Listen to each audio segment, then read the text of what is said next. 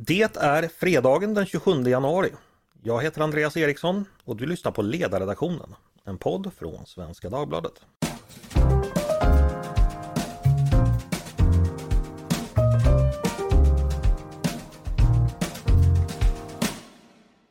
Varmt välkomna till oss igen.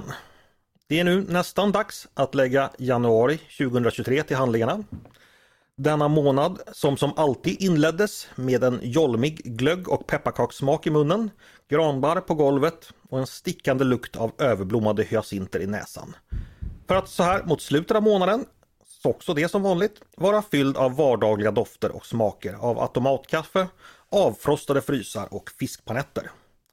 Det är ständigt nya dagar utan väder, nätter utan drömmar, morgnar då Stockholms tullar snurrar i mekanisk urtidsrytm Kvällar där smältvattnet blixtrar i vintermörkret när det reflekterar bilarnas ljus. Vi befinner oss ju, som vi gör en så stor del av våra korta liv, mellan sommarens längtan och vinterns köld. Och sällan är väl Sverige så svenskt som just nu. Jag vet att jag brukar säga det under varje årstideperiod men det är särskilt sant just nu. Sällan är väl Sverige så svenskt som just nu under den där sista januarihelgen när lönen äntligen kommit och livets nödtorft åter kan fyllas på genom besök på IKEA och Clas Olsson. Det spelar ingen roll om räntan går upp. Det spelar ingen roll om elräkningen också går upp. Det enda som spelar någon roll, det är vad du vill. Och det du vill, det är att dagen och veckan ska ta slut så att du kan leta dig hem till familjen och soffan, luta dig tillbaka med Pinot Noiren och sour cream chipsen i trygg närhet och lyssna till när introjingen till På spåret spelas från TVns högtalare. Och runt om dig, framför andra TV-apparater, i andra soffor, i andra hus och lägenheter, sitter tusentals andra, precis som du, och tillsammans iscensätter ni det där märkliga lilla landet i norr som genomgår så säregna öden. Just nu är det er tur att stå på scenen. Just nu spelas er akt i den mänskliga komedin. Så tänk på alla dessa nätter, billig öl och cigaretter och minst de gånger du vaknat i ruiner av en natt du inte minns. Så var med dem, så blödde det, så har det ständigt gått. Svärd fäktas mot övermakten och vilka är vi att inte vika för den?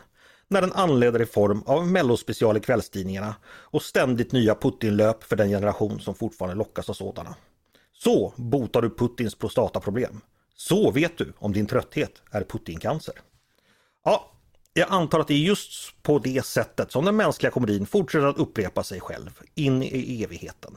Generation efter generation.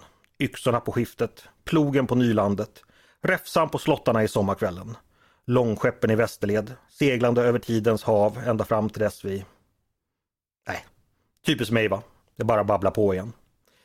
Hörni, det ska jag inte göra längre utan istället presentera tre kollegor som ska vara betydligt mer vältaliga och explicita än jag någonsin kommer att kunna vara. Nämligen Maria Ludvigsson, Mattias Svensson och Tove Livendal. Varmt välkomna alla tre! Tack så mycket! Tack Andreas! Mia, tänkte börja och välkomna dig. Det var ett tag sedan vi hade med dig i podden. Hur, hur har du det? Hur har du haft det? Tack så mycket. Det, är väldigt, eh, det var länge sedan och det är roligt att vara här igen.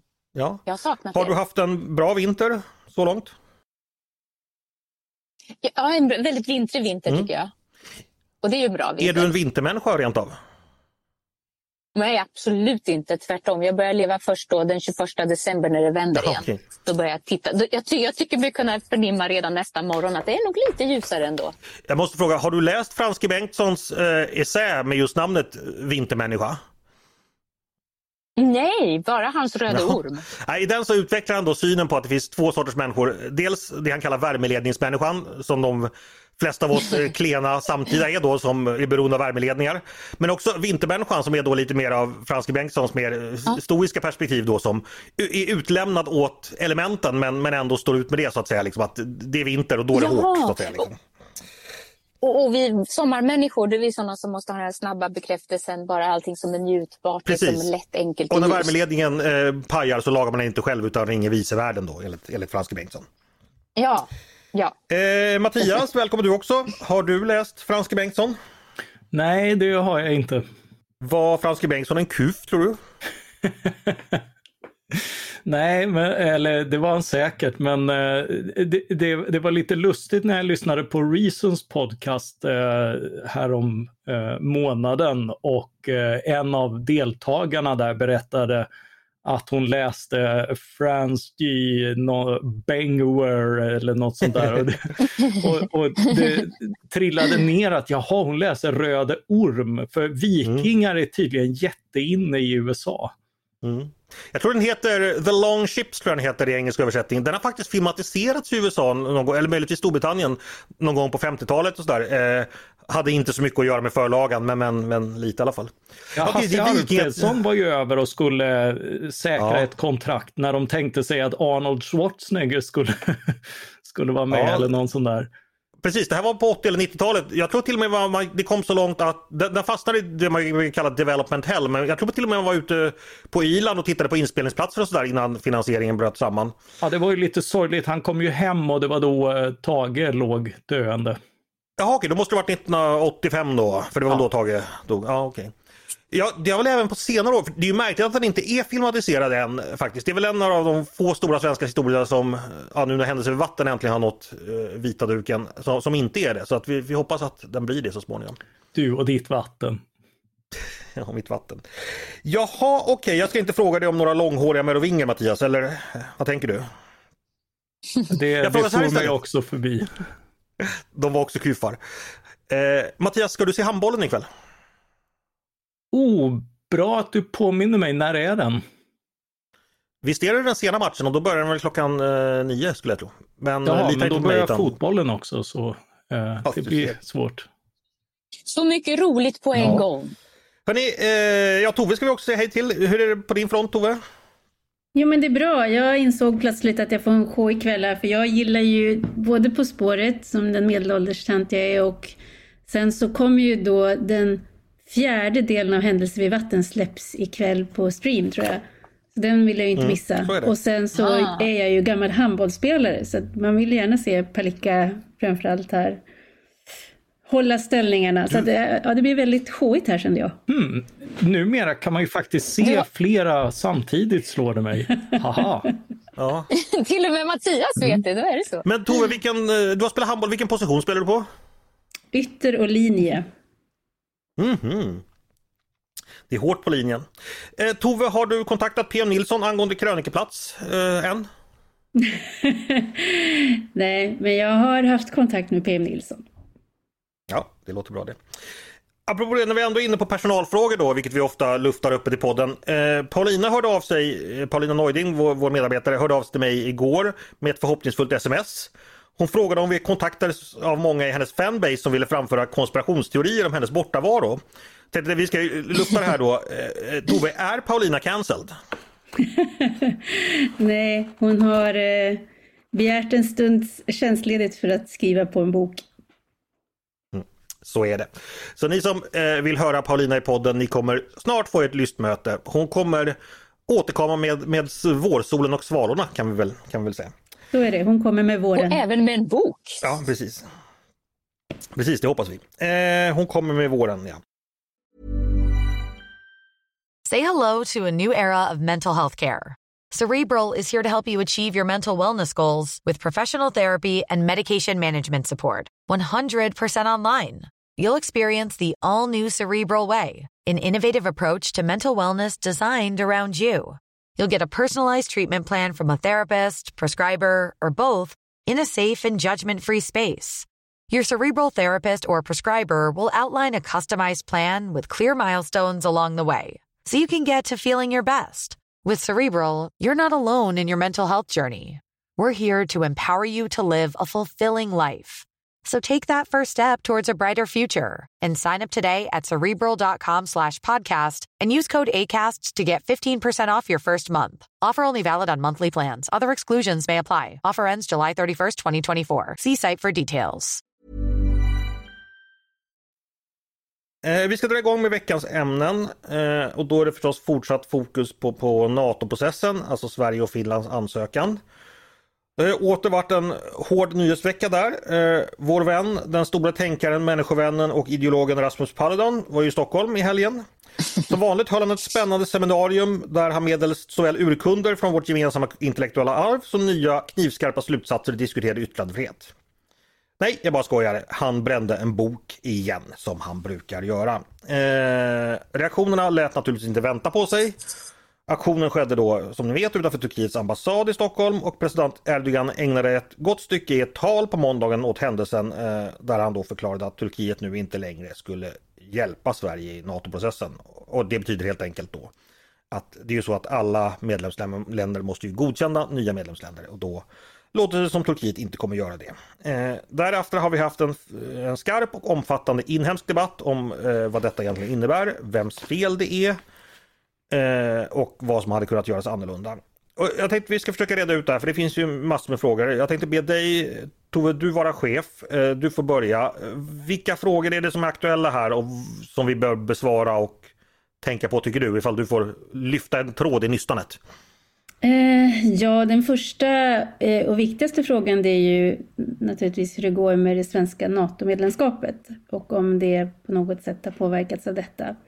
Eh, och det kan man väl säga att det, det, ja, det, är inte, det är inte bra för processen. Det finns väl en uppenbar risk att den då kan fördröjas. Sen är det så att man måste också, när man tittar på det här, förstå den kontext i vilken eh, Erdogan verkar. Han har ett ett, val på gång. Eh, han har problem med sin popularitet och han har behov av att plocka inrikespolitiska poänger. Eh, och eh, kan han göra det, kan han göra sig populär på Sveriges bekostnad så kommer han att göra det. Och här har det yppat sig ett tillfälle för det som han inte kommer att försitta. Och sen är det som många kloka har påpekat som har följt Turkiet under lång tid att ja, dels som Mattias förtjänstfullt påpekat eh, Erdogans väldigt kända historia i att eh, ständigt bli upprörd och, och liksom verkligen mm. ta i från tårna för att känna sig kränkt och skymfad. Och, det, och han har uttryckt sig väldigt hårt om andra länder och andra aktörer och sådär. Så att det, det, det kommer, men, men jag bedömer inte som att det här har förstört chanserna för Sverige, men däremot så har det naturligtvis stört processen.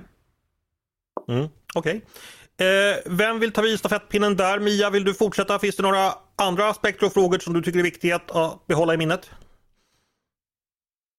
Med eh, själva den här eh, koranbränningen? Ja, precis. Eller ja, egentligen he hela den, hela den diskussionen det... vi har haft kring detta under, under veckan. Ja, exakt. För antingen så vill man prata NATO, det, det, har vi gjort ända sedan vi var med i något slags ungdomsförbund, att där borde vi vara med. Eller så pratar man om något lika evigt och det är den här eh, konflikten mellan yttrandefrihet och vad som är lämpligt. Mm. Och där är ju eh, den gamla sägningen är att mänskliga rättigheter är till för skitstövlar. Och det där kan man ju fundera lite grann på, det är lätt att säga. Eh, men det är också så att om man ska ha mänskliga rättigheter som yttrandefrihet och så, eh, då måste man bestämma sig för att det här ska gälla för alla och i synnerhet de gångerna där det är väldigt svårt att tillåta det. Som till exempel när Paludan kommer och bränner eh, Koranen. Mm. Då, är det, då är det svårt att hålla på det. Men det är just då man behöver principerna. Mm. det tycker jag också är en diskussion som aktualiseras just när det här, för det blir svårt. Det är liksom, det är ett, det, han gör det ju inte för yttra, yttrandefrihetens skull utan han gör det ju för att han är kverulant och vill ställa till det och bara vara besvärlig, gärna synas. Och så var det en, ytterligare en tomte som betalade för hans mötestillstånd så att han skulle få bränna mm. den här. Eh, men men det, den här frågan rymmer ju mycket mer. Och det är just den här, hur, hur viktig får en princip vara? Och där har ju, går ju en skiljelinje kan man säga inom, eh, vad ska jag kalla oss, borgerligheten. Eh, där det finns de som tycker att det här borde han inte ha fått tillstånd till. Just vid det här tillfället när det är så känsligt i förhandlingarna så ska man inte ha rätt till detta. Eh, och så finns det andra då som säger att ja, det visst är viktigt att ha yttrandefrihet, men det här är någonting annat och så vidare. Så det, det är en delikat fråga. Men jag vet vad jag tycker. Jag vet också vad jag tycker. Eh, en sak jag tänkt på, det är ju faktiskt det är ju ganska minimalt i Sverige Eh, för det finns ju en aspekt här att man skulle kunna säga inte bara det att han inte ska få tillstånd utan att det helt enkelt inte ska vara mm. tillåtet att Eh, smäda religioner. Det fanns ju en lag tidigare om trosfrid i Sverige mm. som försvann på 70-talet. Ja. Det ja. finns ju de som har idé att denna borde, borde återinföras. Och, eh, hädelselagar finns ju i en del europeiska länder. Jag vet inte hur det har lirat egentligen med, med övergripande europeiska rättsprinciper. Men, men hittills har det inte så många i Sverige som har lyft fram det. Det är väl liksom nyans och sådana där liksom fringe-rörelser. Men jag har inte hört någon Liksom, jag vet inte, Mattias, vad säger du? Har, har, du hört någon som, som egentligen vill säga att det ska vara förbjudet med koranbränning? Mm. Eh, det har väl aktualiserats av Sverigedemokraterna så jag eh, förbi nu. Men ja, det just det, med svenska flaggan ja. Precis, de har ju varit inne på det att det finns symboler som är så viktiga att man helt enkelt inte ska få tutta eld på dem. Liksom. Så att ja, det, och, det är väl... och det är ju, det är ju idiotiskt. Eh, ja. för, för det är ju, mm. alltså det är ju, det är att be om enkla, eh, enkla provokationer, men det är också liksom då det kommer Eh, så här, ska, vi, ska vi verkligen sätta folk, ska staten sätta sin kraft, eh, utdöma straff till folk som inte har gjort en fluga för när utan liksom hållit på och bränt en bok eller skojat med en flagga eller, eller drivit med någons eh, djupt kända före, eh, eh, föreställningar.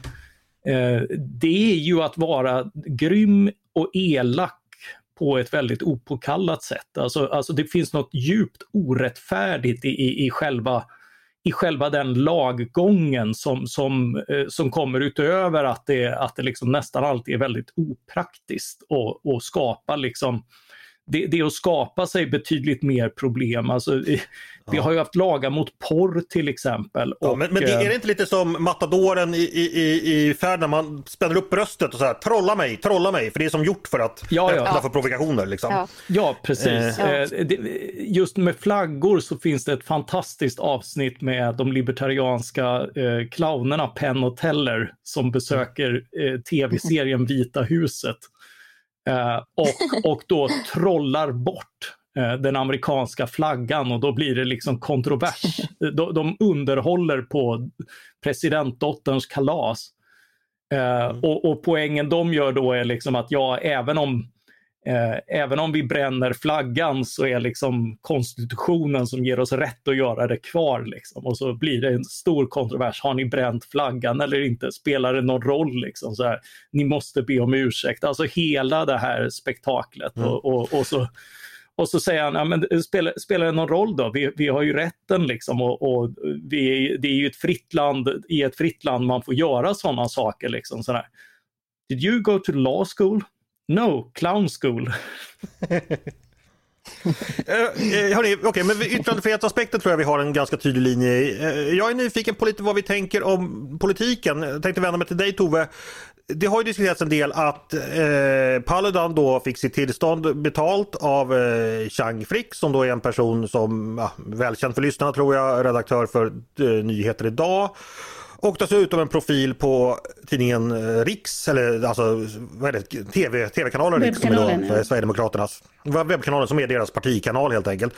Och därmed finns det då en koppling till Sverigedemokraterna och till det regeringsunderlag, till den regering som vill föra oss in i NATO. Att detta är då problematiskt att de här kopplingarna finns. Vad tänker du om, om de kopplingarna och problemen där?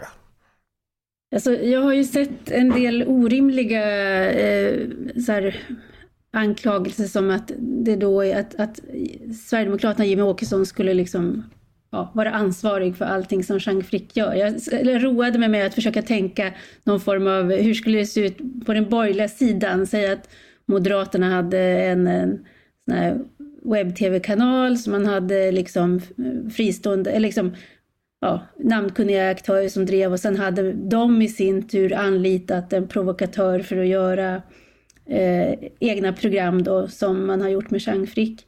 Och så skulle den här personen då löpa amok och göra obetänksamma och ansvarslösa saker. Är det då liksom, är det då Moderaternas eh, ansvar vad allt den personen gör? Eh, och då är mitt svar nej, men däremot så är det orimligt som Jimmie Åkesson gör, att säga att man inte har någon relation, att Sverigedemokraterna inte har någon relation till Chang Frick, för det har man. Han får arvode för att göra de här programmen på SD-finansierad webb-tv-kanal. Så att här har ju både de mest högljudda kritikerna och Jimmy Åkesson fel. Har, Jimmy Åkesson ens erkänt att han vet att tv-kanalen Riks existerar eller har han? Nej, det är nog också en vänstermyt. Okej, okay, men eh, Tove, okay, så du köper inte riktigt det här att, eh, eh, eller vad blev kontentan av det här? Är det här ett problem för regeringen att regeringsunderlaget kan man härleda det så långt eller tycker du att den linan brister någonstans? Eh, ja, men, så här, ja, det är klart att så här, det är ett problem när du bygger en borgerlig regering tillsammans med ett icke-borgerligt parti, vilket vi har sagt från start, att det kommer att ut, innebära sina utmaningar. Men oppositionens sätt att, att tala om det här blir liksom det kommer med sina intentioner och bli liksom orimligt från sitt håll. Eh, så att ja, eh, det, det kommer att fortsätta innebära huvudvärk för en borgerlig regering att samarbeta med Sverigedemokraterna och inte minst därför att Sverigedemokraterna har en omgivning där det finns många som vill provocera och det finns många som också eh, ja, står någon helt annanstans än vad borgerliga partier gör. Men det, det som oppositionen nu försöker anföra på något sätt att ja, ni skulle ha låtit den socialdemokratiska regeringen sitta kvar, det hade varit det allra bästa. Det finns ju någonstans som någon form av Eh, slutsats i detta. Det, det leder ju liksom ingenstans heller. Mm. Jag tänker så här att det är ju en intressant tid vi lever i där ja, väldigt, väldiga eh, icke-figurer verkligen spelar huvudrollen. För Paludan han utförde ju den uppgift han har att utföra och många var nog glada över det för han känner sitt syfte. Han gjorde sin plikt som nyttig idiot. Jag undrar om de sa till honom moren kan gå nu till honom, hur förbannad han i så fall blev. Eh, Mia, gör du samma analys som Tove av så här, de inrikespolitiska implikationerna av den här härvan att det oppositionen är, ja, försöker klistra här på regeringen på ett sätt som inte riktigt funkar? Ja, det, hon är min chef. Men jag tycker också på samma sätt. Eh, och, det, och just den oppositionen, det är ju så här när socialdemokrater hamnar i opposition då är de dels ganska ovana vid det och så har de ju en, en eh, maktfullkomlig syn på sig själva att det är någonting fel när det inte är de som leder landet och då, då tillåter de sig en sorts, vad ska jag säga, ganska vulgär retorik och kan skylla då de som nu faktiskt är regering för både det ena och det andra. Mattias? Ja, jag håller ju också med. Mm. men, eh, men, men det gäller ju liksom att inte tappa Eh, ja, det finns en koppling, ja, det ställer till problem, men vi ska inte glömma att väldigt mycket av det här handlar om eh, att Ankara spelar på det här för att vinna eh, vinna politiska, inrikespolitiska poäng. Hade det inte varit de här clownerna så hade de hittat något annat att explodera över. Det har, det har vi redan sett ett antal gånger. Eh, och, och fokus bör även fortsatt vara på att eh, Sverige har ju levt upp till de krav som man faktiskt har kommit överens om i, i NATO-frågan mm. eh, och, att, och att frågan nu handlar om Turkiet, inte om Sverige. Det är där vi ska ha ögonen, det är helt rätt. Detta avhandlades också noggrant ska jag säga, i en podd tidigare i veckan. Så om ni, om ni är särskilt intresserade av det här ämnet eh, och framförallt vad som sker från Ankaras horisont, hur man tänker där, eh, då kan man lyssna på måndagens podd då vår kollega Olof Ehrenkrona eh, och eh, Paul Levin från Stockholms universitet eh, diskuterade detta. Eh, en intressant aspekt tycker jag, det är ju så att ett flertal tidningar har ju publicerat Chang Fricks eh, olika sms-konversationer med, med Paludan och, och, då dyker det upp ett intressant meddelande från Paludan. Han skriver helt plötsligt att eh, jag behöver en koran. Vilket jag tyckte var lite överraskande för att det är så här att är det någonting han behöver hjälp med? Alltså liksom det framstår bisarrt i konversationen att jag ska åka upp till Stockholm, jag ska störa säkerhetsordningen i hela norra Europa, jag ska skapa regeringskris i Sverige. Men jag måste bara ha en koran först. Är det någon som kan... Alltså, har Karl inte ja, koll på hur han fixar koraner? Ja, men du vet ju vad som händer med dem han har. Ja, du vet, jo, men varför har han då inte köpt ett restlager av Koran? Jag var inne på Adlibris, en Koran på pocketversion kostar då 64 kronor plus frakt. Köp på dig Koraner, alltså, det är ju hans näringsfång att bränna Koraner. Är det sånt här grej varje gång han ska göra någonting att jag behöver en Koran och så får han ägna två dagar åt att fixa det. det han framstår ju som ganska, ja hjälplös du känner att du vill, Jag tror att den gamla konsulten i dig vill styra upp ett och annat här. Ja, nej, jag, jag, jag, tänker väl inte hjälpa, hjälpa honom att få, få, nya böcker att bränna, för jag tycker inte man ska bränna böcker generellt, men det var väl, väldigt lustigt i sammanhanget. Och nu ska han dessutom, var han skulle bränna tre koraner varje fredag, alltså framöver då, för att, till Sverige, då, då är det en jäkla massa koraner han behöver. Så att, ja.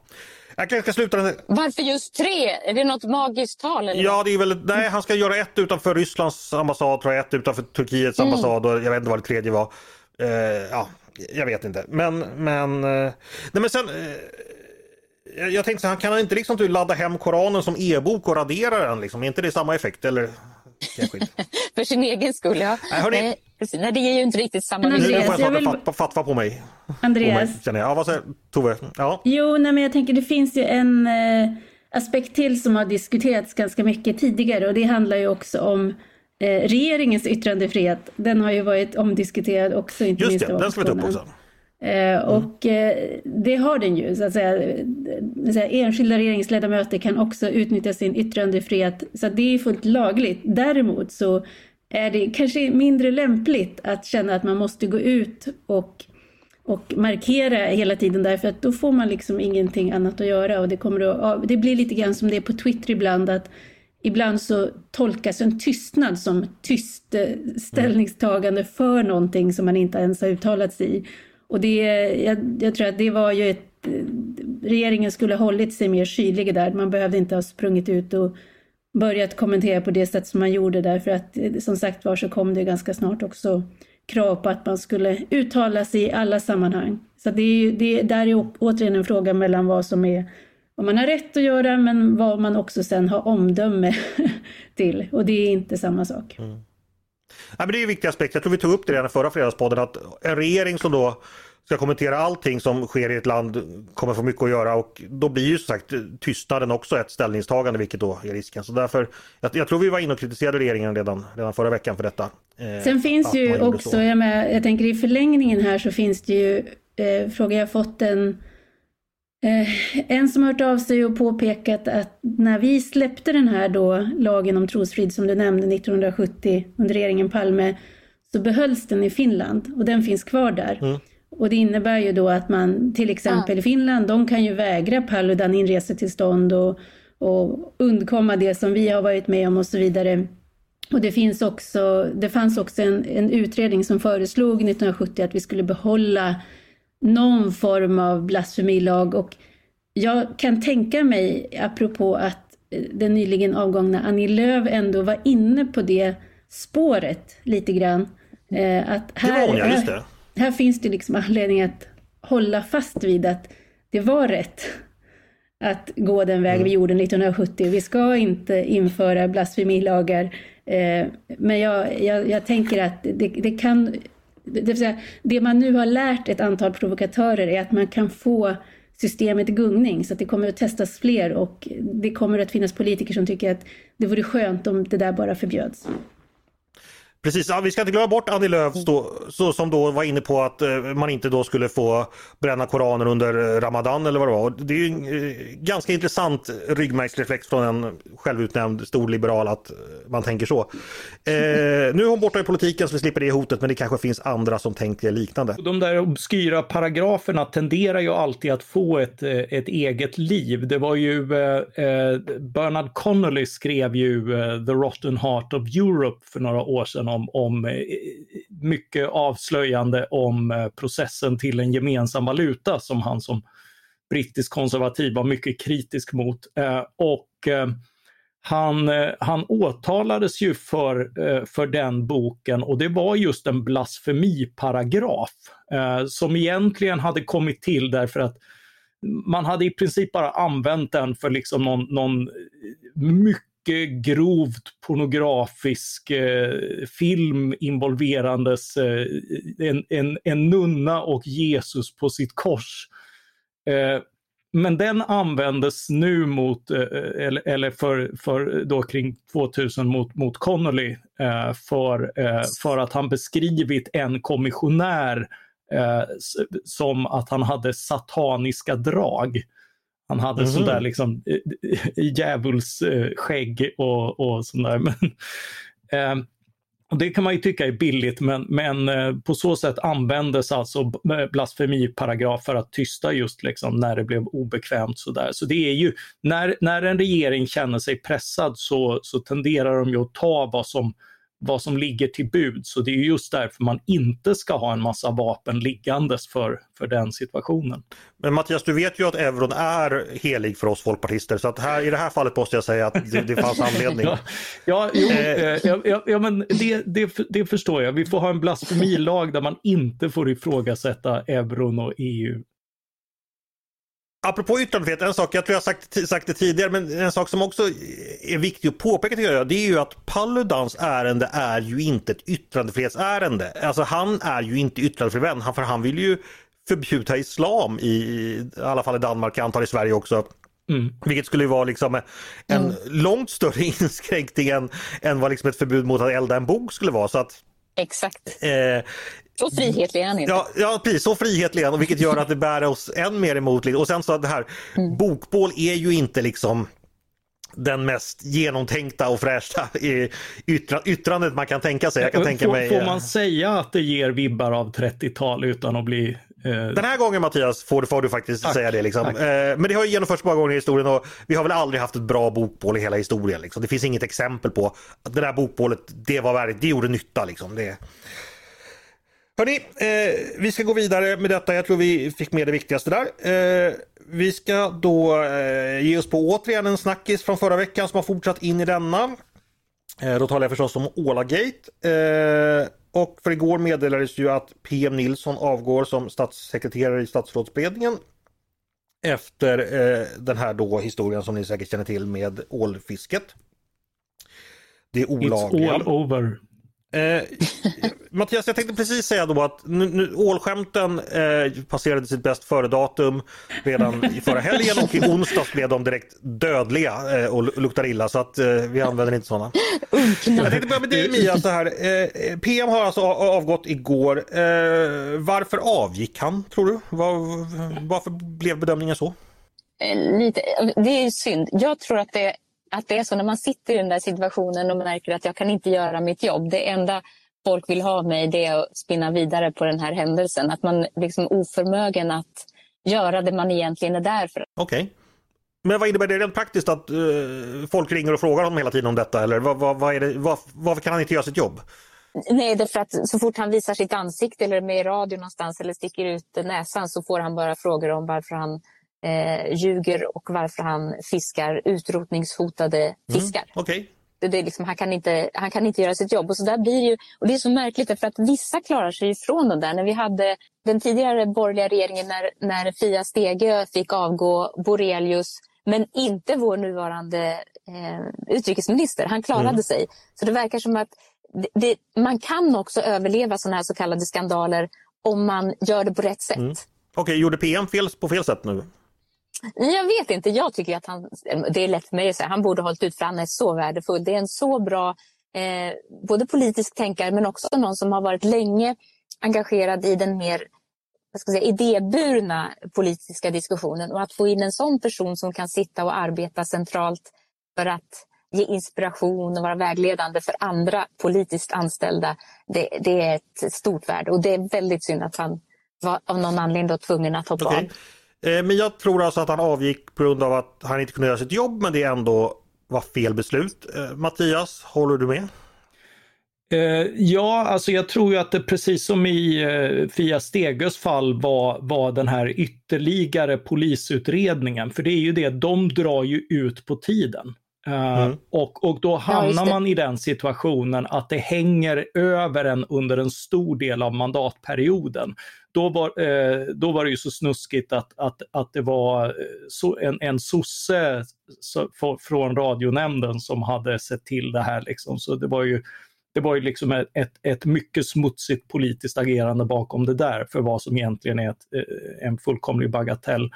Men Eh, I, I det här fallet så vet jag inte vad som ligger bakom men, men, eh, men det, är upp, det är uppenbart att då, då, får man problem att utföra sitt uppdrag. Sen tycker jag fortfarande att, att, att liksom den avgången står inte pro, i proportion till, till någonting som har, eh, som har framkommit hittills. Så ur det perspektivet tycker Nej. jag fel. Jag, har, jag kan ju inte för mitt liv se att en socialdemokrat hade gått för något liknande. Okej. Okay. Tove? Men för det finns ju spekulationer också. Anders Lindberg har ju antytt att det måste vara något mer där annars så skulle han inte ha slutat. Men det kan faktiskt vara så att människor som inte är vana vid politiken de är fortfarande så pass sunda att de tänker det här ska inte jag behöva ja. acceptera. Nej, och, och framförallt att, eh, att, att det liksom är eh, tidsaspekten i utredningen snarare än rädsla för vad som, vad ja. som kommer fram tror jag är ja. helt avgörande där. Ja, och vi har ju skrivit om polisernas eh, ständiga långa köer, att de inte förmår att utreda det de ska. Så det är risk att det hade tagit Ja, vad, vad, tog det för uh, själva fisket? Det tog ett år, ett och ett halvt. Ett och ett halvt. Mm, just det. Och då, nu, det nästa brottet då, det var ju brott mot artskydds... Uh, vad var det, någon artskyddslag eller? Artskyddsförordningen. Ja. Precis. Och det hade då lång tid. Men Tove, vi hade ju, förra veckan tog vi upp en sak som, det handlar ju inte bara om själva brottet utan också agerandet i samband med brottet. Det här med att han inte berättade sanningen för polisen utan tvärtom drog en eh, rejäl rövare. Helt enkelt ljög för polisen och det konstaterar vi då, det är ju försvårande i sammanhanget, tänker jag. Ja, absolut. Eh, nu tänkte jag, alltså det är ju det där med att vi pratade om det att det är inte det är inte så att eh, någon av oss har intrycket av att PM Nilsson som person skulle vara en hal ål, utan att det är en person som har visat sig vara liksom... Tove, du får gult kort för det där. ja, det var det värt. Det var det värt. Snart är hon rökt. ja, du också, det är, ändå, ja, fortsätt, det, är, det är ändå fredag. Uh, nej men och, och, det gör ju att uh, det fanns goda skäl att tro att ja men okej, okay, det här kommer inte att hända igen. Det här är liksom någonting som, som uh, känns liksom det, är inte liksom, det följer inte en känd karaktäristik men, men för, för egen del så var ju som sagt det, det är ju det där också som jag tror att Mia har rätt i att personer som inte har fötts upp, andats och levt politik och partilogik. Eh, de eh, här, har dels inte inrättat sina liv för att de ska vara helt fläckfria den dagen den stora frågan ställs. Men det kan också vara så att man heller inte liksom reagerar precis så där medietränat som man skulle vilja i alla situationer. Och här var det väl det att, jag tycker att det han har beskrivit känns ändå ganska trovärdigt. Dels den här överrumplingen i båten men sen också när polisen ringer att det, liksom, det har gått ett och ett halvt år. Han har förvisso uppenbarligen tänkt på det eftersom han har informerat sin blivande chef om, om att, det finns, att det finns men det är inte ändå kanske någonting han har gått och tänkt på varje dag. Och då när det dyker upp så, så blir det ju, ja han agerar inte som han ska i det läget men det är väl å andra sidan någonting som han då förmodligen inte hade gjort igen om, om, om det nu hade blivit något motsvarande tillfälle. Mm. Men det är... Ja, jag tycker också det är jättetråkigt och eh, av skälet som Mia var inne på att det behövs så... Det är viktigt med att det kommer in personer i de där systemen som har andra perspektiv. Och det finns en risk, mm. för det, det, så blev ju lite snacket tyckte jag nog efter både det vi pratade om, nämligen Cecilia Steger och Maria Borelius, att då blir på något sätt slutsatsen hos de som är inne i systemen att ah, ja, det funkar inte att ta, ta in externa. De, de, de, nej. Eh, och så blir man mer och mer sluten och sen kan man sitta i nomineringsprocesser och oja sig över att man aldrig får in folk utifrån. Men det blir, det, de här systemen är ju också så att eh, kommer det folk utifrån så innebär det ju också direkt en större konkurrenssituation för de som redan är där. Så att det, det kräver lite att lyfta in personer som inte har liksom hela den här kulturen med sig redan. Och eh, ja, det är jättetråkigt att det här inte eh, fick bli ett väldigt bra exempel. Det är någon som har gjort eh, någon gjorde analysen att det är någonting lutherskt över detta att man eh, dömer personer efter eh, snarare för deras små misstag istället för att se till helheten. Alltså det mer sydeuropeiska eller katolska är sådär, ja, ja alla gör vi fel, det går bra, förlåt, du är förlåten, gå vidare, du har så många goda kvaliteter. Men det lutherska är verkligen där du ska vara fläckfri. Mm. Och då så ger man sig inte förrän man har fått komma åt den som har gjort något som vi andra inte skulle tillåta oss. Jag var lite överraskad faktiskt över att han avgick. Jag trodde avgick, att avgå från sån här mer var en 00-talsgrej, att vi hade lämnat den tiden bakom oss lite, men, men tydligen inte. Eh, men vi vet ju mm. inte orsaken. Det kan ju också helt enkelt vara så att PM Nilsson är en person som ni säger som inte har varit i politiken och kanske heller inte beredd att offra så mycket som andra för mm. att fortsätta sin politiska karriär. Han kanske tycker att det, ja, det är helt enkelt inte värt det. Eh, det, det, Nej, och det är ganska synd ja, tycker jag. Hur värt är det att liksom bli föremål för något Ja, men precis. Och, det är ju inte orimligt och eh, jag, jag, känner, jag känner inte honom så jag vet inte hur han resonerar men så kanske jag skulle resonera. Jag vet inte. Jag, ja, jag skulle ju aldrig hamna i position när jag var, blev politiker men, men, men ändå det... Ja. Nej, men det är det här makten till varje pris. Det kanske inte är till varje pris i ja. alla fall. Eh, ni tycker aldrig det är tråkigt och säger att P. Nilsson hade varit en god, eh, en god tillgång för regeringskansliet.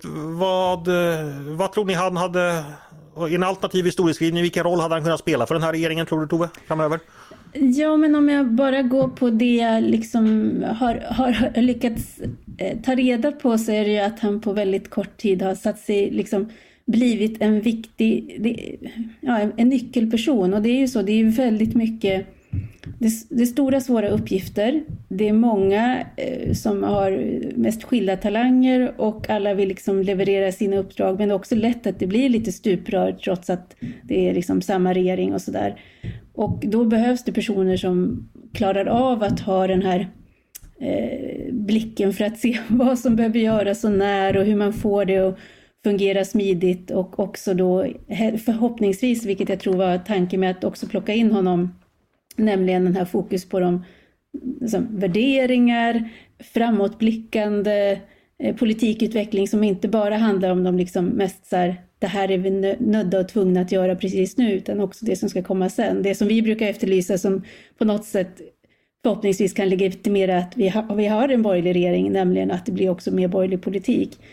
Och jag, jag tänkte på det i gårdagskvällens Studio 1 som sände extra då var eh, Ekots kommentator Fredrik Furtenbach med och talade, tyckte jag då, ganska eh, ja, förminskande om PM Nilssons roll. Att han, han tyckte den var väldigt otydlig och det skulle nog inte bli så stort glapp efter honom och sådär. Och det kände jag verkligen var en kommentar från utsidan.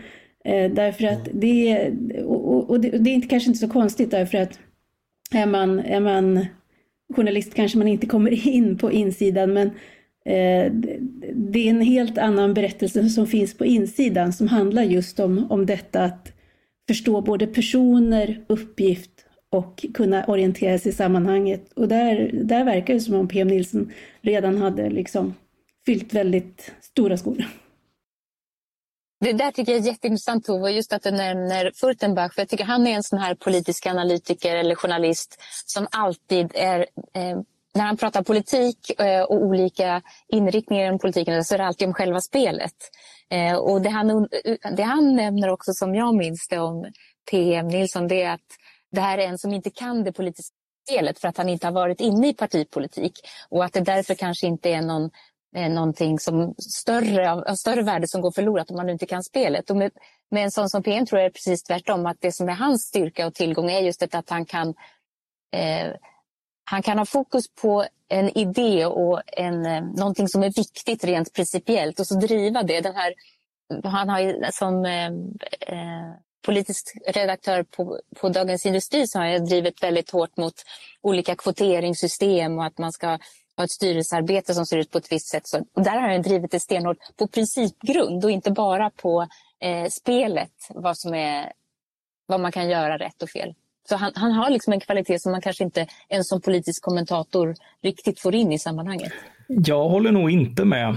Uh, alltså jag, jag hade, uh, jag hade nu, nu vet vi inte hur det kommer att gå, men, eller, eh, men uh, jag, jag, tror ju, det har ju känts som väldigt mycket en alibi-rekrytering. Eh, när, när vi skrev om eh, om att ta upp framtidsfrågor eh, så har ju vi fått från regeringshåll höra att nej, nej, Tidöavtalet och det här, det är allt ni kommer att få. Det, vi, vi kommer inte orka bry oss. Eh, och då blir ju två tunga eh, statsrådsrekryteringar i, i, i statsrådsberedningen eh, arvoderade tjänster för att ta ut de långa linjerna mer liksom någon, någon, form av avlatsbrev. Jag, jag förväntade mig en, en, en, en lång tyst, eh, tyst dödskamp snarare än eh, en, en, en liksom leverans där, tyvärr. Det, det hade också, en, en, ett av eh, strategierna som har läckt är ju också att få ihop eh, få Moderaterna att närma sig Sverigedemokraterna och det kan man ju verkligen mista. Nej, men jag tror att om man vill ha ett avlatsbrev då skulle man tagit eh, någon annan än PM, alltså någon som bara kan sitta N av. Nämn inga namn nu för att de blir nej, det, nej, det har jag inget behov av. Men, vet du, han, han är verkligen en sån som både tänker och gör, alltså som, som tycker att att ha några sorts eh, politiska visioner mer än att eh, överleva mandatperioden så är han rätt person. Då tar man tagit in honom för att göra just det och inte för att eh, liksom, vara, vara ett alibi som är rimligt mycket borgare. Mm. Eh, hur tror du den här affären kommer påverka efterfrågan på ål i Sverige? Jag har blivit mer sugen. Det undrar jag med. Alltså, ja. Jag, jag har blivit förvånad över att det är så många som gillar ål. Jag tycker det är inte alls så gott. Men Mattias, du har hört om den här hur, statusen är fruktansvärt hotad, att vi snart inte har några ålar kvar och det mm. ger dig en ålamage som är sugen på mer alltså? Nej, men jag kommer ju att tänka på hur det smakar. Eh, Jaha, okay. och, eh, och, och det är ju gott.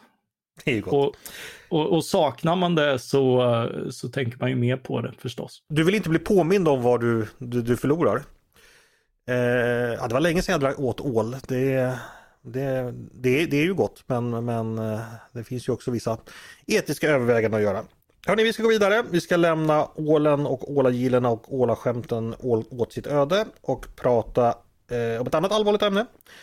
Det är så att året har börjat på ett oroväckande sätt när det gäller brottsligheten. Eh, I Stockholm har vi sett ett flertal skjutningar och sprängningar i vad som verkar vara våldsamma konflikter mellan olika kriminella. Polisen har också gripit väldigt unga personer, så unga så de inte ens är straffmyndiga, med automatvapen i färd med att förbereda mord. Eh, det är någonting som har, har väl rullat på lite ja, i, i nyheterna vid, vid sidan om allt annat. Mattias, du har också skrivit om det här, den här utvecklingen. Eh, vi har ju en regering som har då haft hög profil och kanske ja, valet handlade mycket om brottsligheten. Nu görs det saker mot brottsligheten också politiskt. Eh, hur bedömer du den här frågan? Det som hittills initierats från politiskt håll. När kan vi hoppas att det gör någon nytta? Ja, det vet ju ingen.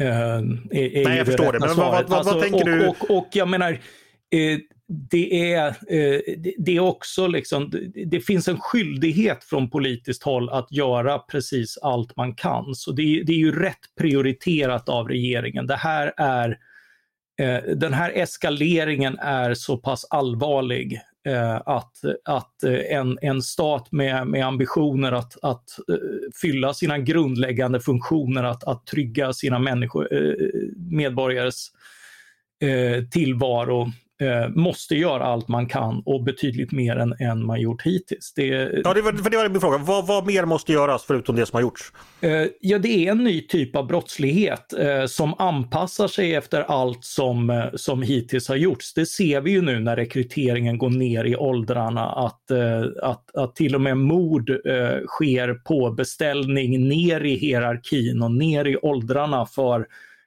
för att man mm. har åtgärdat det tidigare. Så när du täpper till ett hål så kommer ett annat. Eh, och, eh, och ambitionen är förstås att, att, att hålen ska ta slut, men det, det, måste, ju, måste ju till andra åtgärder när det handlar om så unga förövare. Men, men det måste också till andra åtgärder som får bort dem från gatan, som tillåter eh, sociala åtgärder och annat som, som är tuffare eh, för att bryta rekryteringen här. Eh, och, eh, och, och det, det, kräver ju helt enkelt en, en regering som är på tårna och där finns ju den här dubbla prioriteringen av både polisinsatser, sociala insatser, annat och, eh, och allt det behövs. Eh, till detta vill jag ju då lägga att det är det är tilltagande skandalöst, ryggradslöst och fullkomligt verklighetsfrämmande att inte göra något åt nuvarande lagstiftning på narkotikaområdet som ger gängen alla, alla de här marknaderna för, eh, för sig själva. Eh, det sitter en utredning, den skulle kunna få uppdraget att ompröva både Eh, Eh, de extremt resursslukande lagar vi har för att titta på småbrott som innehav eh, och eh, bruk eh, och eh, själva det att, att, att, det måste, att det är förbjudet, för det ändrar man på i andra länder nu där man har mindre problem med detta. Men, men det är klart att, att jag kan inte se att vi löser det här utan att också se på detta. Mm. Saken är ju den att mm. liknande narkotikalagstiftning finns ju även i andra länder, i Norge och Finland exempelvis, att man, det är olagligt att använda cannabis. De har ju inte våra problem med eh, våldsamma skjutningar och gängbrottslighet av samma dimensioner. Så, att, så att säga, man, det går ju inte att säga så att det beror på knarket att vi har fått det som vi har fått det. Det är möjligtvis att knarkförsäljningen är... Jo, det tycker jag ändå att man kan ha därför att vi ser det här på narkotikamarknader. Det har blossat upp i Kanada med jämna mellanrum, i USA med jämna mellanrum. Eh, Danmark hade en, en våg på väg kring eh, motorcykelrelaterad men också, också narkotikarelaterad brottslighet det här händer inte på apoteksmarknader eller, eller ens... Nej, nej men, men, det finns väldigt många marknader, eller väldigt många länder som har liknande narkotikalagstiftning där det inte händer utan tvärtom har ju våldet i andra länder minskat. Sverige oh ja, har ju en oh ja, helt oh ja. annan men, utveckling. Men jag menar, det, det, här är inte, det här är någonting vi, vi ser från förbudsmarknader på droger med jämna mellanrum. Det måste inte uppträda så. Jag menar, Norge och Finland hade också eh, alkoholförbud och det gav förvisso en viss organiserad brottslighet men den var mer, även om man sköt med kulsprutor emellanåt så, så var det mer av, av eh, Åsa-Nisse-karaktär än eh, det hann inte få den organiserade grova art som, som i USA. Men det är klart att hade man fortsatt och framhärdat och fått liksom en eh, grupper av människor som, som är begivna på det så är det klart att då hade det varit en annan cocktail. Eh, så förbudet är en del av mixen, en nödvändig, möjligen inte tillräcklig del. Okej, Tove, vad säger du? Mattias eh, verkar ju då ändå skänka narkotikapolitiken en ganska stor eh, roll i det här. tror du på liknande sätt att det, det, det, är så viktigt att det är där förändringen kommer komma, eller behöver komma också? Så här, jag tror att eh, Mattias och Maria som brukar debattera de här frågorna mest återkommande har rätt i att politiken måste ses över och att man måste ompröva den eftersom den inte har gett den effekt som man vill att den ska leda till. Sen när det gäller liksom effekten på gängen, ja det är uppenbart en stor både intäktskälla och en grogrund för konflikter mellan gängen. Det, är, det står i var och varannan artikel att det liksom är det som, som konflikterna rör. Men eh, en annan fråga, nu blir jag väldigt cynisk här, är ju att jag tänker att Eh, gängen kommer, så här, om, om narkotikahandeln skulle legaliseras så skulle inte gängen lägga ner utan då skulle man behöva hitta andra intäktskällor. Det skulle fortfarande vara intressant att skaffa sig intäkter på ett sätt som inte går via liksom eh, 9 till 5 jobb med, med vanlig liksom A-skattsedel. Och då är frågan vilken typ av inkomster man skulle försöka hitta. Jag såg någon artikel, jag undrar om det var på vår egen sajt, som handlade om frågan om medelklassen i större utsträckning kan förvänta sig att det kommer liksom inbrottsvågor och sådana där saker. Att det blir en större, alltså, för jag tänker att människor är kreativa och det gäller även brottsbenägna människor som är fast i gängkriminalitet. Och då skulle man kunna tänka sig att en väldigt cynisk hållning är att ah, ja, ja, det här är de människor som idag använder narkotika är på något sätt ett mindre bekymmer än vad det skulle bli om medelklassen i breda lager börjar drabbas av personrån och inbrott. Eh, för det är klart att någonstans så skulle du behöva hitta intäkter för de här gängen också tror jag i framtiden. Mattias, vad säger du om den förklaringen att eh, har gäng väl skapats så kommer de söka sig till inkomstkällor? Eh, då... Så, så är det, men, men det är få andra modeller som, som stämmer för den typ av storskalig rekrytering av minderåriga till exempel, som narkotikaförsäljning. De är inte lätta att, att styra över i, i liksom en, en, en mer eh, Eh, ja, ja, men utpressning, bedrägerier och liknande. Så, så, så redan, redan där så ser det annorlunda ut. Sen är det så med intäktsströmmarna också att de möjliggör ju en massa brott. Det är de som möjliggör inköpen av vapen och liknande. Eh, det finns förstås en, e-, ett sökande efter nya områden som kan bli mer desperat om man, om man drar, in, eh, drar undan tillräckligt mycket. Men idag är det ju snarare så att narkotikaförsäljningen bildar basen för annan brottslighet. Eh, ambitionen att kontrollera hela områden som vi har sett med med hot och till och med mord mot poliser, man äter sig in i kommunala förvaltningar och liknande. Eh, hela den bygger ju på eh, intäkterna från narkotikaförsäljningen, eh, den affärslogiken och, och de intäkterna. Så det är väldigt mycket annan brottslighet som sannolikt också skulle minska. Eh, hur, hur, exakt empirin faller ut, det vet vi inte och det, det är svårt att spekulera om. Men, men jag, jag, tror, jag tror inte att det är ett nollsummespel där heller, utan, utan tar man intäkterna så, så slår det mot väldigt mycket annan brottslighet som de här gängen utför också. Kära lyssnare, jag tror vi har hört den mest eh, marxistiskt inspirerade slutledningen av Mattias Svensson som vi någonsin har hört. Det var mycket historia materialistiskt där när man utgår från de ekonomiska förhållandena och hur det Nej, nej men, men alltså eh, har du inte pengar att köpa vapen så, mm. så har du inte vapen att vifta med och då kan du vara lika våldsam men inte lika farlig. Jag, jag skojade lite med, med Mattias, ja. men eh, det, det, det, det, var intressant. Du, du får väl ändå med medge att det andas lite av den, den marxistiska nej, synen? Nej, nej, det tycker jag, det tycker jag inte utan, eh, utan det är klart att eh, alltså, alltså tittar du på, på möjligheter eh, så, eh, så är det klart att det spelar roll för hur många som, eh, som begår brott. Det, blir det svårt Eh, Eh, blir det tråkigt, blir det jobbigt? Det är ju det vi tror på med, med straff också. Det tror jag definitivt är, är en viktig komponent. Det ser vi ju också. När man skärper straff så flyttar man vem som förövar. Det blir en anledning i, i gängen att säga nej, jag vill inte riskera det här. De har järnkoll på, på vad vi gör och på olika saker och anpassar sig efter det. Eh, det, det, ser vi ju redan och det är därför vi måste jobba med, alla komponenter mot detta och inte blunda för en av dem.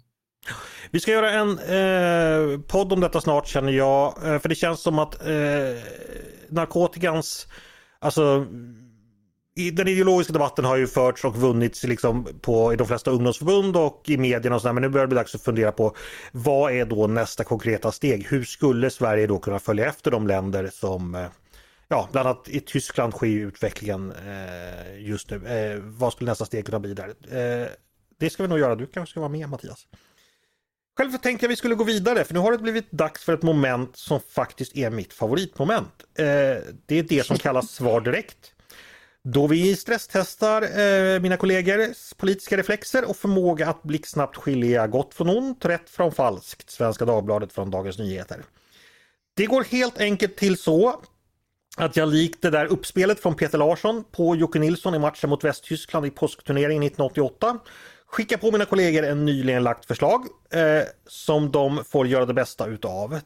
Genom att ge mig ett kort binärt svar, etta eller nolla, ja eller nej, för eller emot. Och snabbt som ögat ska det gå. Helt enkelt svar direkt. Är ni redo för detta stresstest? Ja. Oh ja. ja. Då säger jag så här, Muharrem Demirok som är föreslagen till ny partiledare för Centerpartiet ska avsluta sitt turkiska medborgarskap.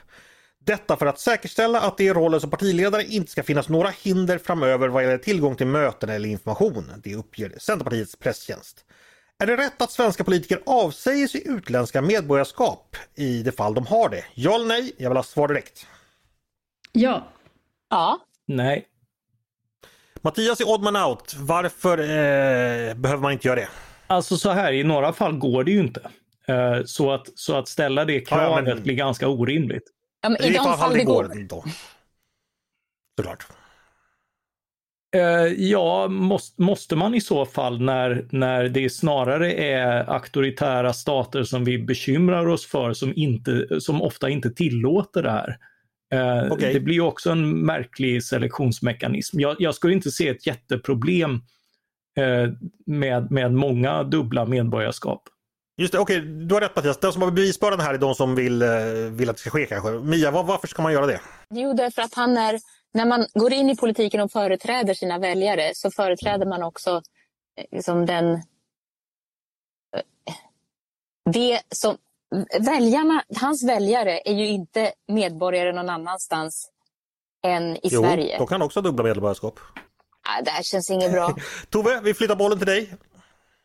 Ja, nej men jag tänker att eh, framförallt det är liksom ur en försvars och säkerhetspolitisk synpunkt. Eh, jag, jag, så här, är, är du eh, är du, kommun, är du kommunpolitiker i i Bollnäs och hanterar miljöfrågor så tror jag inte att det behövs. Eh, ska du vara partiledare och kanske ingå i regering och så småningom sitta och fatta beslut om svensk säkerhetspolitik och eh, eh, ja, försvarsmateriel eller eh, försvarsallianser som den här regeringen som just avgått har och den som har tillträtt också fått hantera, då tror jag att det är bra att det inte blir ett issue var du har dina lojaliteter.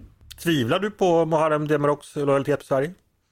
Jag vill inte kunna göra det. Jag vill eh, att, eh, att eh, partiledare som också då möjligen aspirerar på att sitta i regering, att det inte ska finnas sådana frågetecken. Så jag tänker att det ligger i deras intresse. Och sen är det ju som med, med alla kommer inte att, det, så det är ju på något sätt, nu, nu kanske det blir en jättedålig jämförelse, men jag tänker på när man är till olika yrken och olika uppgifter så kan det krävas olika både färdigheter och krav som man underställer sig. Och vill man eh, bli partiledare och göra anspråk på att ingå i en regering, då kanske detta är ett rimligt skallkrav. Mm, Okej. Okay. Vi går vidare. Eh, dagens andra svar direkt och då säger jag så här. Momsen behöver göras enhetlig. Det skriver Timbros nya chefsekonom Fredrik Kopps på Svenska Dagbladets debattsida. Att som idag olika momsatser snedvrider konsumtionen, är moraliserande och innebär onödig administration för företag. Vad tycker du Svenska Dagbladets ledarredaktion om detta? Är vi för eller emot? Jag vill ha svar direkt. Ja, om den är låg. Alltså mot olika. ja. Vi är emot olika. Ni är emot olika, okej. Okay. Eh, Tove, ja. du vill bara ha låg moms men den kan det. vara olika. men då måste den vara lika låg. Eh, och ja. Mattias, du då? Eh, jo, men lika. Eh, det, det, är ju, det är en bra princip. Eh, sen, eh, sen kommer Sen blir man glad för det man kan få. ja.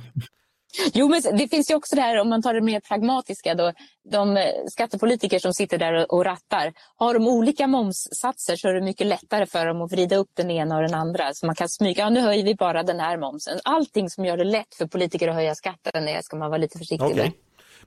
För det kommer de att göra Men ni vill väl inte att vi ska ha en enhetlig 25% i moms? För det skulle innebära en kraftig momshöjning på böcker och tidningar och andra eh, saker.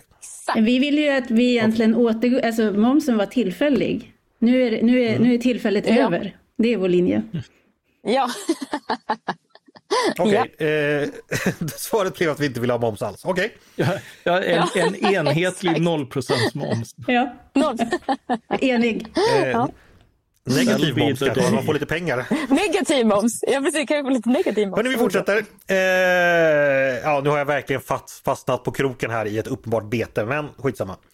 Avskaffa första maj och satsa på försvaret. Det tycker MUF och vill efter dansk förebild att vi helt enkelt ska stryka en kostsam helgdag och lämpligtvis då första maj för att jobba mer och få mer pengar så att vi kan stärka försvaret. Första maj håller ändå på att dö ut. Färre och färre går i de tragiska små tågen. De senaste åren har det för det mesta varit ute och protesterat mot sig själva, skriver MUF-ordförande Douglas Thor på Expressens debattsida.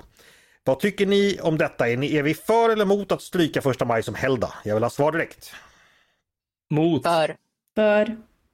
Mattias. Mia, varför? Mattias, vi, Jo, nu ska jag säga varför Mattias vill, för det, för, eller vill ha den kvar. Det är för att han ska kunna vara ute sent på valborgsmässoafton. Är det Mattias, är det så enkelt själviska skäl här? eh, ja, jo men här, här har jag blivit mer konservativ med åren. Eh, och eh, och, och det, det, är självklart så att eh, första maj är en helgdag för att borgerligheten ska kunna eh, unna sig utsvävanden på valborgsmässoafton. Mattias, du blev lite överraskad. Du, jag känner ju inte dig liksom som någon särskilt studentikos eh, person, men du kanske har stora valborgstraditioner? Uh, ja, de, de, har kommit senare men, men är desto kärare. Uh, och, uh, och, och, det är framförallt den här dubbla möjligheten jag tycker, jag tycker blir så fin att de, de som vill kan, kan festa till sent och, och de som tycker att plikten kräver det kan ut och, och eh, marschera dagen efter när jag hoppas att det regnar på dem. Men... Fast jag tycker det är faktiskt, jag har ganska svårt för första maj för att det, det går röda fanor i mina gator och folk har, vi har ledigt för att vi helst ska kunna ta del av att göra det. Jag tycker det är rätt motbjudande. Det borde man ha avskaffat för länge sedan. Tove, varför är du emot? Ja, men jag tycker Maria har en väldigt stark argumentation här. Sen är jag också i det här fallet då väldigt konservativ för att även MUF-ordföranden Tove Livendal för 20 år sedan drev den här linjen och man måste hålla fast vid gamla ja. traditioner.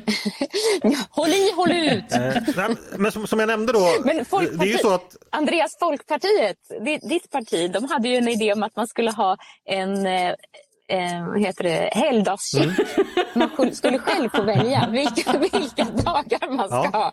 Och då behöver man inte vara kristen Nej. och ingenting utan man bara väljer. Och det är ingenting att skratta åt, jag tycker fortfarande det är en bra idé. jag, jag, jag, jag, är, jag är egentligen med där också, men när det kommer till en helg och man, man ska ge sig på så, eh, så måste jag vara lite motvalls. Alltså jag, är nog, jag är nog för att man ska få helgdag när man vill, men det är liksom inget som någon annan ska betala för. Man ska kunna ha så lågt skattetryck att man har, man har råd att ta ledigt då och då för att man vill fira något. Jag känner det här som, jag måste vara representant för arbetsgivaren här. Jag tycker att det är, det är, det är, det är verkligen skadligt för landets produktivitet att vi slösar bort en hel dag på när vi borde fira arbetet genom att arbeta. Ja, nej, nej, men det här är inget skämt. Det är ju faktiskt så att i Danmark så har man, som jag sa då, det är ju dansk förebild. Där har ju den nya regeringen, eh, Fredrikssons nya regering, faktiskt förklarat att man ska skippa en av helgdagarna. Och det är då stå BD som, som ska försvinna. Och jag hade faktiskt inte hört talas om den. Känner ni till den dagen? Jag läste om det nu. Är det en B-dag eller bedja-dag? Ja, det är en bedja-dag. Eh, det är en dag då, eh, mm. det är den fjärde fredagen efter påsk då som 1600-talet då är en dag för, för bön och för för fasta och ja, religiös utövning som har hängt med ända fram till idag. Eh, jag tycker det låter som en jättetrevlig grej att ha en ledig fredag i maj. Sådär. Så, ja, vilket det oftast blir i maj då, för det är då fyra veckor efter påsk, ibland april. Alltså som, som kristen är jag emot, för att eh, det kan man göra precis när som helst. Man ska inte behöva ta ledigt. Ja, man kanske vill be ordentligt en gång. Ja, det, det låter ändå som en B-dag. Eh, ja, men eh, den ska, ska, ska alla fall bort nu så där drar man helt enkelt bort en, en helgdag. Eh, vilket jag, eh, ja, det är kanske lite tråkigt men, men så är det. Hörni vad bra, då fick vi besked om detta. Första maj ryker ifall Svenska Dagbladets ledarredaktion, eh, ja, minus Mattias då, kommer till makten. Så det ska vi akta oss för. Vi ska gå vidare tänker jag. För det är nog dags för mitt stora favoritmoment, nämligen det som vi kallar Är du smartare än en ledarskribent? Eh, och det känner ni ju säkert till. Det är ju, jag ska bara kort för nytillkomna lyssnare berätta att eh, ja, tänk på spåret men tänk bort Göteborg. Eh, tänk vi i femman men tänk på att vi tar, eh, tänk bort de mogna tävlingsdeltagarna där och tänk istället Svenska Dagbladets ledarreaktion. Det är en klassisk frågesport och jag testar ledarsidan på några trivia frågor som högst långsökt anknyter till dagens diskussion. Ni som lyssnar kan också vara med och svara och svarar ni snabbare och rättare på mina frågor än vad Tove, Mia och Mattias gör. Då är ni helt enkelt smartare än just dessa ledarskribenter, så grattis till er i så fall. Eh, reglerna kan ni, man svarar genom att säga sitt namn. Vill man chansa innan jag läst färdigt frågan så får man det. Men då slutar jag läsa och man riskerar dessutom minuspoäng. Man har bara ett svar per fråga och vinnaren får eh, en veckas evig ära. Eh, är alla med på detta? Ja. Ja. Eh, det är ju Per Nuders födelsedag idag. Han fyller alltså 60 år. Det säger något om hur tiden går. Eh, är det Per Nuders 60-årsdag känns det både antiintellektuellt och oetiskt att inte ägna veckans triviafrågor eh, åt något annat än just honom. Per Nuder var ju mellan 2002 och 2004 samordningsminister. Eh, nu söker jag namnet på en av hans företrädare på den posten, alltså en politiker som har varit samordningsminister. Och den här politikern var det mellan 1994 och 1996. Och han nämndes ofta som en möjlig efterträdare till Ingvar Carlsson när denna avgick. Politikern gjorde sedan en framgångsrik karriär i näringslivet och var bland annat vice VD på Saab. Vilken politiker är det jag söker och tänker på nu?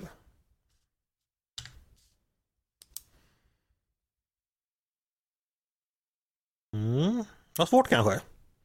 Nej, jag vet precis vem det är men, men jag kommer fan inte på vad han heter. Han, omnämndes ofta då som en konkurrent till just Mona Sahlin som mm, efterträdare. Mm. Men drog tillbaka sin kandidatur. Jo men han har skägg och jo, men det är han som har glugg mellan, han, han, har glugg mellan tänderna. Ja, trevlig glugg mellan tänderna. Ingen vågar en gissning. Han hette, eller heter, han heter Jan Nygren. Ja, Jan visste jag men... Ja, ja. just det. Ja, mm. just det. Han var, han var trevlig. Han var inte så sossig. Han blev ju VD i näringslivet sen, så då var, var han kanske inte det.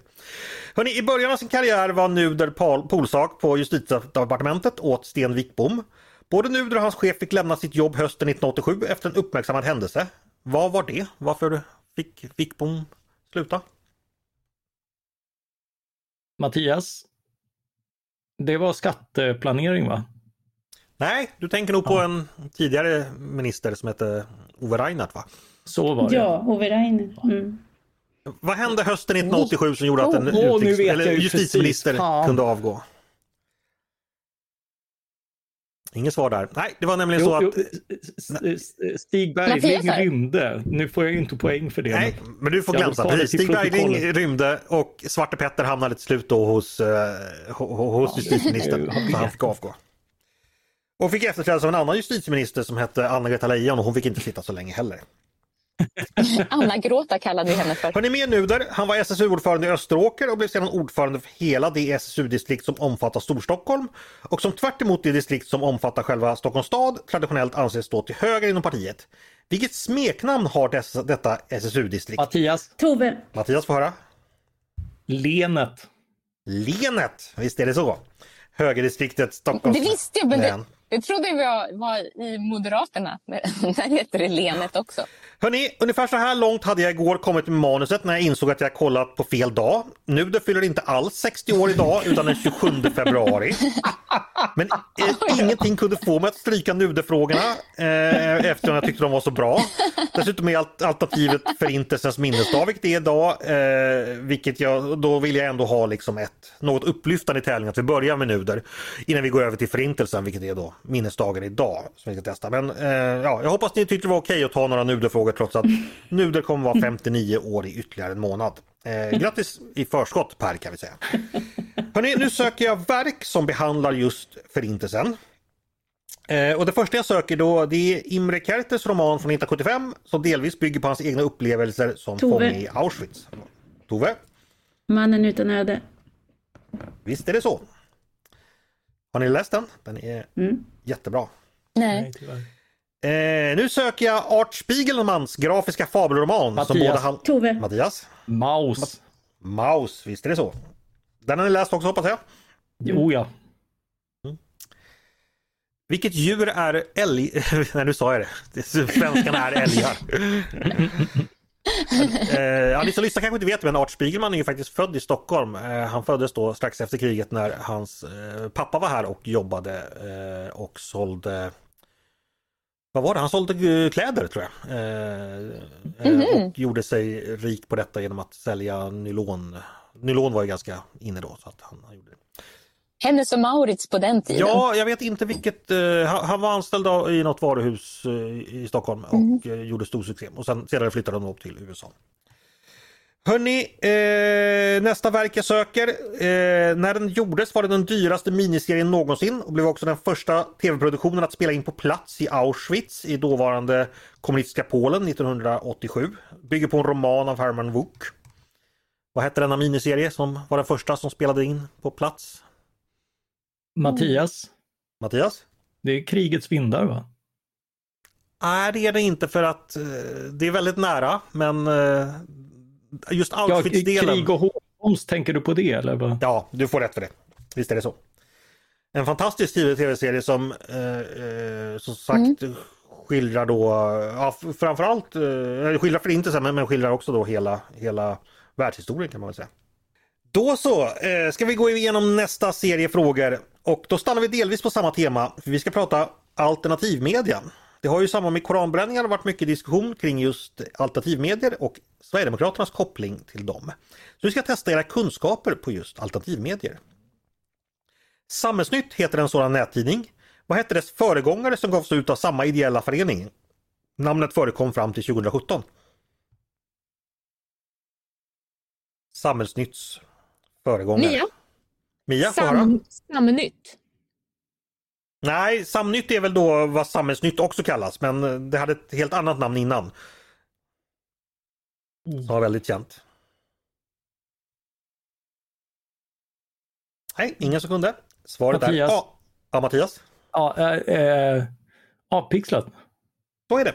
Helt rätt. Jaha! Oh. Avpixlas hade i sin tur också en företrädare där enligt, samma uppgift, där enligt uppgift samma skribenter ska ha medverkat. När den sidan lades ner 2011 hänvisades till den då nystartade sidan Avpixlat. Vad hette den här föregångaren? Mattias. Mattias? Politiskt inkorrekt. Här har vi en van alternativ medieläsare, det hör jag. den, den minns jag nu när ni säger den. Eh, vad hette den tidning som grundades 2002 och lades ner 2014 som under större delen av sin verksamhetstid var knuten till Nationaldemokraterna?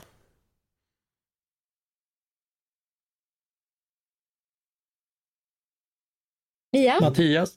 Ja. Mia var först. Sverigevännen. Nej, så var det inte. Mattias då? Eh, var det fria tider? Nej, det var det inte. Svaret är nationell idag. Eh, men finns alltså inte längre.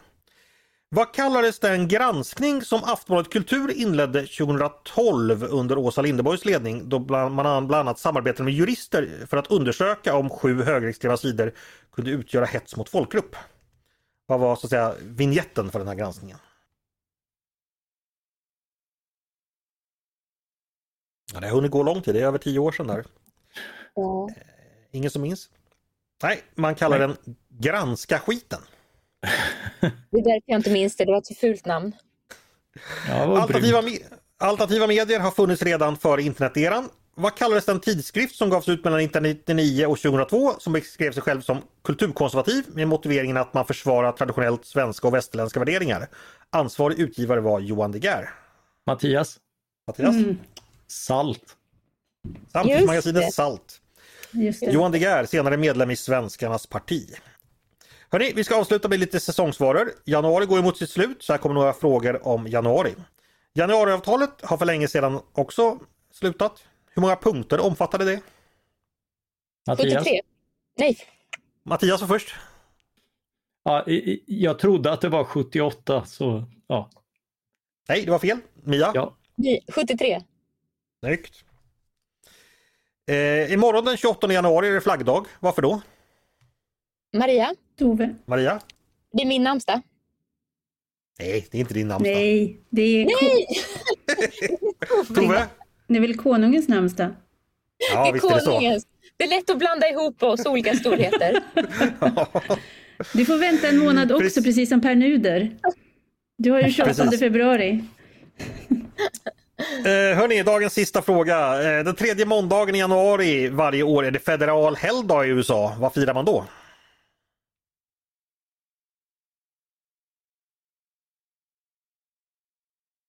Får jag ringa Jan-Erik Larsson? ja, det är en helgdag som infördes faktiskt under Reagans presidenttid 1983 eh, tror jag det var, så det är ganska ny. Maria, kan det vara workday? Nej, det är det inte. Kunde ha varit. Det kunde ha varit working day, men det är det inte. Och det är inte Veterans Day och det är inte Memorial Day och inte Independence Day. Det är Martin Luther Kings Day. Ja, just det. Ja. Eh, det blev en stor seger för Mattias idag i, i Peters bortavaro. Sex mm. poäng. Två poäng till Tove och en poäng till Mia. Ja. Grattis Mattias! Hur kommer Tack. du att fira den här segern? Uh, ja, men uh, det, det får väl firas. Jag, jag, ska faktiskt vara ledig den här helgen efter två jourhelger, så det är väl firande nog.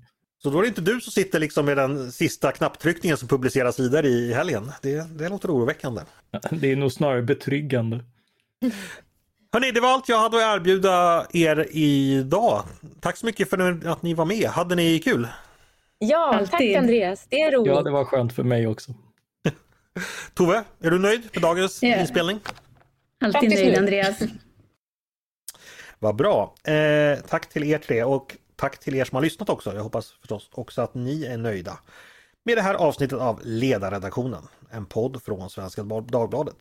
Ni är varmt välkomna att höra av er till redaktionen med tankar och synpunkter på det vi precis har diskuterat eller om ni har förslag på vad vi ska ta upp i framtiden. Maila bara då mig eller oss på ledarsidan snabla svd.se. Dagens producent, han heter som vanligt Jesper Sandström. Jag heter som vanligt Andreas Eriksson och jag hoppas som vanligt att vi hörs snart igen.